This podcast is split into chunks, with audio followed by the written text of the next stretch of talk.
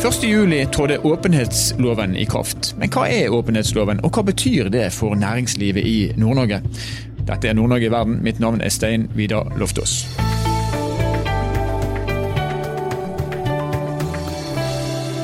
1.7 så trådte altså åpenhetsloven i kraft. og denne Loven her, den skal fremme virksomheters respekt for grunnleggende menneskerettigheter og anstendige arbeidsforhold. Samtidig så skal den sikre at allmennheten har tilgang til informasjon, altså informasjon om hvordan bedriftene faktisk forholder seg til disse lovkravene. Men hva betyr det her egentlig for eh, næringslivet i Nord-Norge. Det skal vi bore litt nå. og Vi har nettopp lansert en eh, artikkel på Kunnskapsbanken om dette. og Nå har vi med oss eh, artikkelforfatteren Agneta Johansen Aasheim fra PwC, der hun er partner og advokat. Og Hjertelig velkommen til oss, Agneta. Tusen takk for det. Du, Åpenhetsloven. Jeg har lyst til å starte med å spørre hvorfor trenger vi en åpenhetslov, og hva er det for noe? Ja, altså Åpenhetsloven eh, omtales jo gjerne som den nye menneskerettighetsloven for eh, næringslivet. Det, det, høres kanskje litt eh, svulstig ut, men det er jo en lov som gjennomfører strengere krav til ansvarlighet og åpenhet. Og loven skal da bidra til at man forhindrer brudd på menneskerettigheter og uanstendige arbeidsforhold. Så det er jo en måte å ansvarliggjøre virksomheten på. Og gjøre virksomheten ansvarlig også for hele leverandørkjeden eh, sin. Mm. Og så er det jo sånn at hvorfor man har denne loven, så er jo det rett og slett Det innføres et lovkrav som er et resultat av at man har økte forventninger til næringslivet og til at det opptrår eh, ansvarlig og at man har kontroll over sine verdikjeder. Og åpenhetsloven skal jo bidra til at Norge får imøtekomme FN sine bærekraftsmål. Så det er klart at denne loven den har jo sammenheng med et regelverk som vi ser innføres i hele Europa. Men eh, for meg, altså vi er i Norge i 2022, og menneskerettigheter er i min verden så tenker jeg at det er og har vært dypt forankra i vår kultur kjempelenge. Mm. Er, det, er, det, slik å forstå at vi går rundt og innbiller oss at vi har kontroll på det som har med menneskerettigheter å gjøre, men vi faktisk ikke har det? Eller er dette her bare en sånn slags EU-fisering eh, eh, som vi må gjennom? Eh, jeg, jeg, tror nok det er veldig stor forskjell. Noen er nok veldig modne og har god kontroll både på egen virksomhet men ikke minst leverandørkjedene sine. Og på mange måter så, så, er kanskje det en veldig viktig betydning for, for, oss i Norge. Det at man faktisk er ansvarlig også for å gjøre en analyse og risikovurdering av hele leverandørkjeden sin. For vi vet jo at det leveres jo varer og tjenester i Norge der man bruker underleverandører som ikke er stasjonert i Norge, der man kanskje har en annen kultur og et annet regelverk. Så jeg tenker absolutt at, eh, at, det er relevant også for oss eh, i Norge. Og Der er du inne på, på det som omhandler krav som da stilles til næringslivet, og du snakker om leverandørkjeden. Kan ikke du forsøke å forklare for oss hva er det slags krav som stilles? Ja, eh, det er jo et, et krav om at man skal gjøre en såkalt aktsomhetsvurdering. Og i det så ligger det altså at man skal ha en prosess der man skal kartlegge og forebygge og begrense og gjøre rede for hvordan man håndterer både eksisterende og potensielle negative konsekvenser for sin virksomhet knytta til menneskerettigheter og uanstendige arbeidsforhold. Så det er litt sånn kort forklart de pliktene man man pålegges etter loven. Mm. Og så er det sånn, ja, hva, hva, er det her for noe? Hva er det som ligger i det? Eh, og da kan man jo gjerne stille seg spørsmålene kunne det her bruddet som vi nå har avdekka, kunne det vært unngått? Burde man ha vært mer forsiktig? Hadde vi iverksatt eh, eh, noe risikoreduserende tiltak? Så det er noe med at man pålegges en plikt til å vurdere det her i forkant og gjøre en risikovurdering. Og så skal man også gjøre det her regelmessig.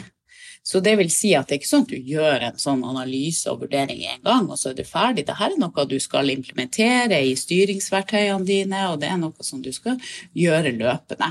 Og så er det jo veldig viktig at eh, når loven nå trer i kraft 1.7, så trer de her pliktene inn. Altså, da, da, skal alle komme i gang med dette arbeidet. Men så, så, er det sånn at man pålegges jo også en rapportering etter loven.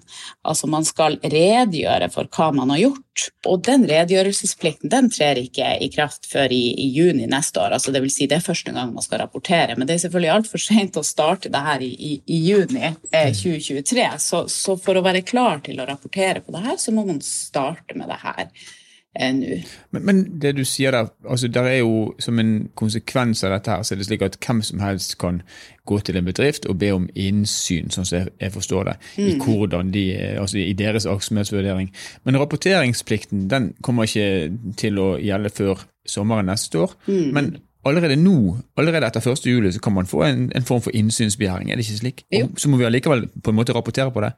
Ja, etter 1. juli så kan alle virksomheter få en forespørsel om innsyn, og da må man i løpet av tre uker så må man kunne stå og redegjøre for det her og svare for det. Så det er klart at selv om du ikke skal rapportere før, eh, før om et år, så må man være klar fra dag én til at det her kan det bli stilt spørsmål om, og da må man kunne svare ut. Og det er klart at eh, det er jo knytta en renommérisiko eh, til det å ikke kunne svare ut, og ikke minst dersom det skulle dukke opp noen åpenbare mm. risikoer som man burde vært oppmerksom på, og som man burde ha kartlagt.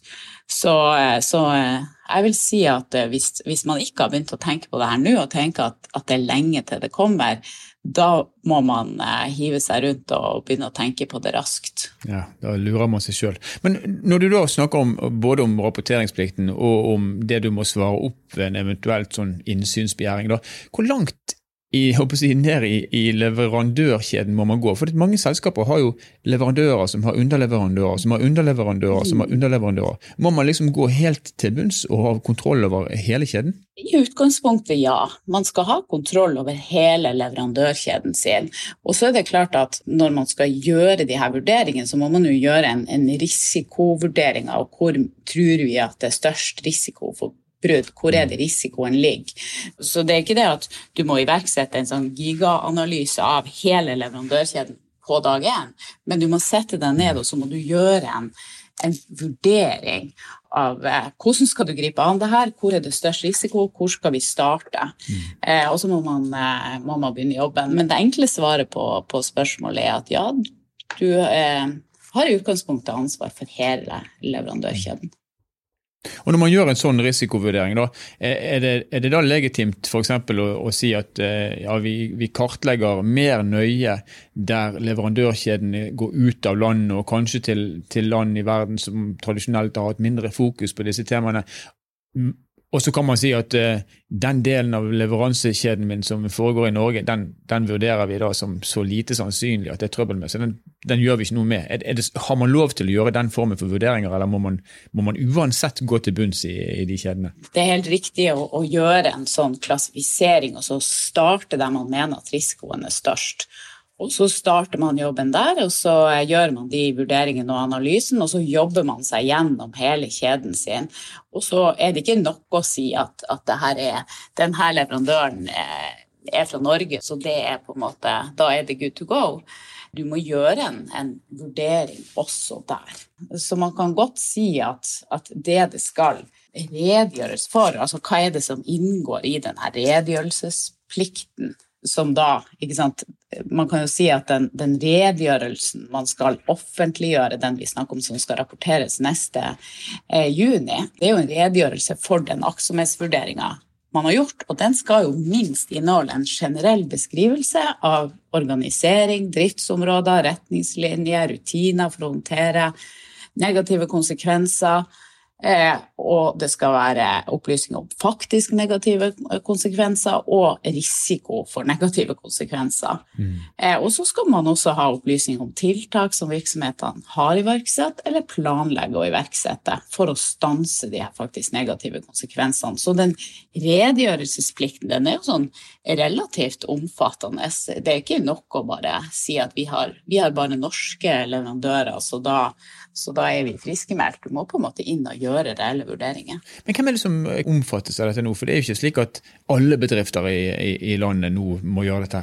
Nei, det er jo ikke sånn at, at, alle omfattes direkte. Så det er jo sånn at loven gjelder for virksomheter som ikke er definert som små foretak, regnskapsloven. Så det vil jo si at, at det gjelder for virksomheter som, som eh, oppfyller to av tre vilkår, og der det ene er salgsinntekt på 70 eh, millioner kroner, balansesum på 35 millioner kroner eller gjennomsnittlig ansatt i løpet av regnskapsåret er over 50. Og det måles på konsernnivå, så, så hvis du samla sett i konsernet oppfyller to av de her, eh, så er du omfatta.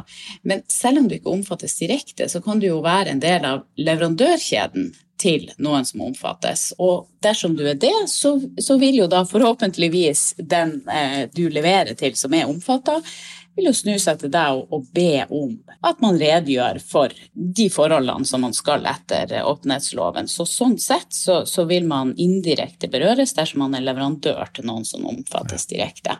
Men man, man slipper da unna denne eh, rapporteringen som skal skje fra 1.6 neste år? Eller ja, man kan i hvert fall anta det? ja. Det gjør man. Men, det man må gjøre, er jo da å, å, svare ut de spørsmålene som man får.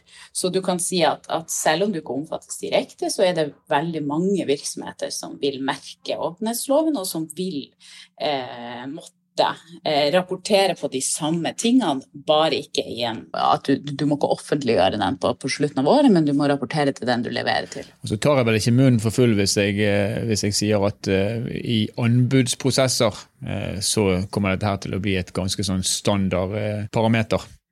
Ja, det, det tenker jeg du har helt rett i. Altså jeg tror jo at den etiske standarden i eh, offentlige anbudskonkurranser også vil heves opp på det her nivået. For det er jo allerede i dag så er det jo sånn at det offentlige skal jo vurdere de her forholdene, og hvordan man skal implementere det i en konkurranse. Og det er klart at når du da får en lov som setter standarden, så er det jo naturlig å tenke at den eh, også vil være retningsgivende for hvor mye man vil kreve når man skal være med og levere på på offentlige kontrakter.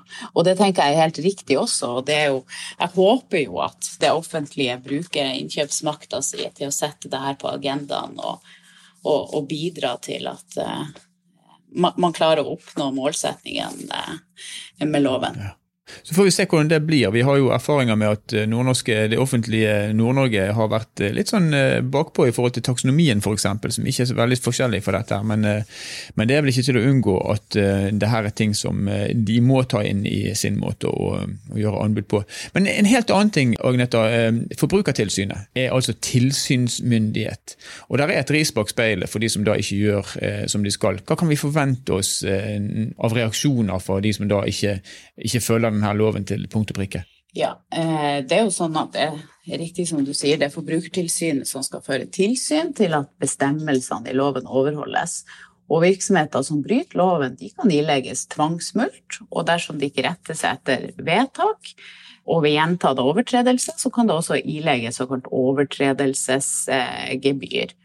Så Forbrukertilsynet kan ved brudd på åpenhetsloven fatte vedtak om de kan komme med et forbud eller et påbud eller tvangsmulkt eller overtredelsesgebyr. Men så er det jo sånn at i tillegg til at det er Forbrukertilsynet som sitter på sanksjonene, så er det jo sånn at med denne innsynsretten så følger det jo også en, en slags sanksjon med. fordi det er klart at hvis det stilles eh, kritiske spørsmål og, og media eh, bruker makta si, så er det klart at eh, det, det, får jo konsekvenser på, på, en helt annen måte, og kanskje, eh, kanskje vel så dramatisk eh, kan det være. bøter, og som om ikke det var nok, så kan det omdømmet ditt også gå i bakken. Ja. Eh, og Da er det naturlig å, å, begynne å gå inn for eh, landing med en liten oppsummering. Hva er de tre rådene fra Agneta Johansen Aasheim til, til bedriftene som nå etter 1.7 må ta hensyn til åpenhetsloven? Jeg tenker at rådet er å gjøre opp en status på, på, hvor langt er man kommet med det her. Hvis man ikke har tenkt på det i det hele tatt, så må man sette det eh, på agendaen nå. Da må man forankre det i, i, de styringsdokumentene man har i virksomheten. Og så må man gjøre de nødvendige analysene eh, raskt og gjøre en risikoklassifisering av hele leverandørkjeden sin. Mm. Så, så, det er litt sånn eh, hvis jeg skal si ett råd, så er det å gjøre opp en status på hvor langt er du kommet i arbeidet med det her. Hvis du ikke har tenkt på det i det hele tatt, så, så må du svinge deg rundt nå. Ja kom i gang. Og så kan jeg legge til da, eh, sånn, som et skudd fra hoften at når man først gjør en risikovurdering av leverandørkjeden sin, tenk taksonomi samtidig. Det, ja. det er lurt å ikke gjøre det der i, i, i, to omganger. Ja, det er klart, og det henger jo helt klart sammen. Så. Veldig bra. Ja. Tusen takk for at eh, du kunne være med oss og opplyse oss om et komplekst og kanskje for mange litt sånn uh, tørt tema, Agnete Johansen Aasheim fra PwC. Yes, takk for det. Åpenhetsloven der, altså. De som eh, syns at det er i ferd med å bli overkant mye rapporteringsjag med taksonomi osv. Vel, det blir ikke mindre. Det kan vi slå fast. Åpenhetsloven den eh, er allerede trådt i kraft, og er noe som alle næringsdrivende må forholde seg til. Man kan forledes til å tenke at det gjelder bare de store bedriftene. Agneta var innom de tre parametrene der man måtte tikke av på to av de for å være pålagt å rapportere og være si, pålagt å gi innsyn. Men alle i en eh, leverandørkjede, og det vil i praksis si alle som driver med næring, må ha et forhold til dette. Menneskerettigheter er selvfølgelig viktig. Vi i Norge vi kan leve i den troen at vi har kontroll, og det har vi kanskje innenfor landets grenser, men leverandørkjedene strekker seg jo ofte langt utenfor landets grenser. Og det er i disse leverandørkjedene man også må ha kontroll på dette og disse parametrene. Så det er bare å begynne å kartlegge for de som ikke allerede har begynt med det. Og for veldig mange da så skal man altså levere en eh, rapport på det årlig. Og det trer i kraft fra 1.6 neste år, men loven den trådte altså i kraft nå 1.7 i år. Det betyr at innsynsbegjæringer det må vi kunne håndtere etter 1.7. Nord-Norge Verden er en podkastserie som er laga av eh, Sparebank1 Nord-Norge i samarbeid med Helt Digital. Musikken du har hørt er laga av Emil Karlsen. Mitt navn er Stein Vidar Loftaas. Vi høres igjen i neste episode.